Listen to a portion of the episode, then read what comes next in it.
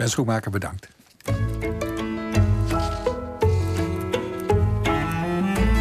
De column van Nelleke Noordervliet. Het overkomt mij nogal eens dat ik zeker weet een boek te bezitten, maar dat een speurtocht in mijn toch min of meer georganiseerde boekenkasten niets oplevert. Dat boek zal ik toch niet hebben weggedaan, hoor ik mezelf mompelen. Ik zie het formaat en het omslag nog helder voor me. Maar de catalogus van de tentoonstelling in Tylers Museum uit 1993, De tentoongestelde mens, bleef vermist. Maar niet getreurd. In hetzelfde soort bezat ik vast en zeker nog het kleine boekje uit 1968 met de titel De Petomaan. Zijn leven en zijn werk. En ja, het bevat het verhaal van François Pujol, een eenvoudige bakker uit Marseille, die aan het eind van de 19e eeuw in de Moulin Rouge te Parijs triomfen vierde met zijn kunst. Een kunst waartoe hij in staat werd gesteld door de bijzondere afwijkende vermogens van zijn eigen lichaam. De man kon zijn kringspier zijn wil opleggen.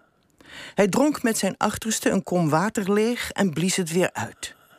Hij wist zijn winden van verschillende toonhoogten te voorzien, zodat de Marseillaise voor zijn anus geen geheimen had. Op foto's zien we hem een kaars uitblazen die op een karakter op een stoel staat, van waaruit hij ogenschijnlijk juist is opgestaan. Hij steekt er vaak heel karakteristiek een vinger bij op, alsof hij wil zeggen: hoor maar. Het was een groot succes. Avond aan avond zat het theater vol. De salvo's van Pujol werden beloond met lachsalvo's uit de zaal. De directeur verdiende goed aan zijn artiest. Maar toen hem ter oren kwam dat Pujol op de markt een kleine demonstratie van zijn kunnen had gegeven, stuurde hij de politie op hem af. Contractbreuk. Noodgedwongen besloot Pujol voor zichzelf te beginnen. En zo wordt zijn laatste voorstelling in het beroemde theater beschreven. De petomaan deed zijn nummer tegelijkertijd zeer ernstig en zeer geëmotioneerd. En misschien werd het wel de meest briljante voorstelling die hij ooit gegeven had. Hij wist dat hij dat kostbare dieprode doek van de Moulin Rouge nooit meer zou zien vallen. Dat hij dit enthousiaste publiek van vrolijke pierenwaaiers en mooie vrouwen, waaraan hij zijn succes en zijn reputatie te danken had, nooit meer zou zien. De rechtszaak sleepte zich enkele jaren voort. Hij moest schadevergoeding betalen. Er kwam oneerlijke concurrentie van valse petomanen.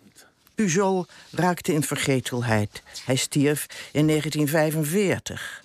Zijn kleinzoons wezen in 1963 hun landgenoten in een openbare brief op het feit dat ze de gedachtenis aan een groot kunstenaar hadden verwaarloosd. En nu staat hij op Wikipedia. Met een filmpje uit 1900 op YouTube. Helaas zonder geluid.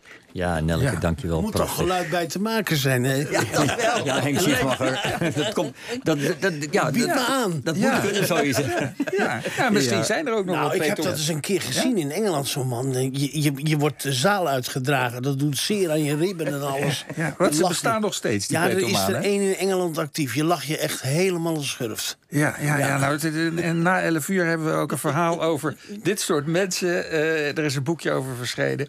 En uh, ze bestaan inderdaad nog steeds. Ik heb shows als America's ook. Het is een oud arbeiderspersboekje. Ja, heel erg leuk boekje.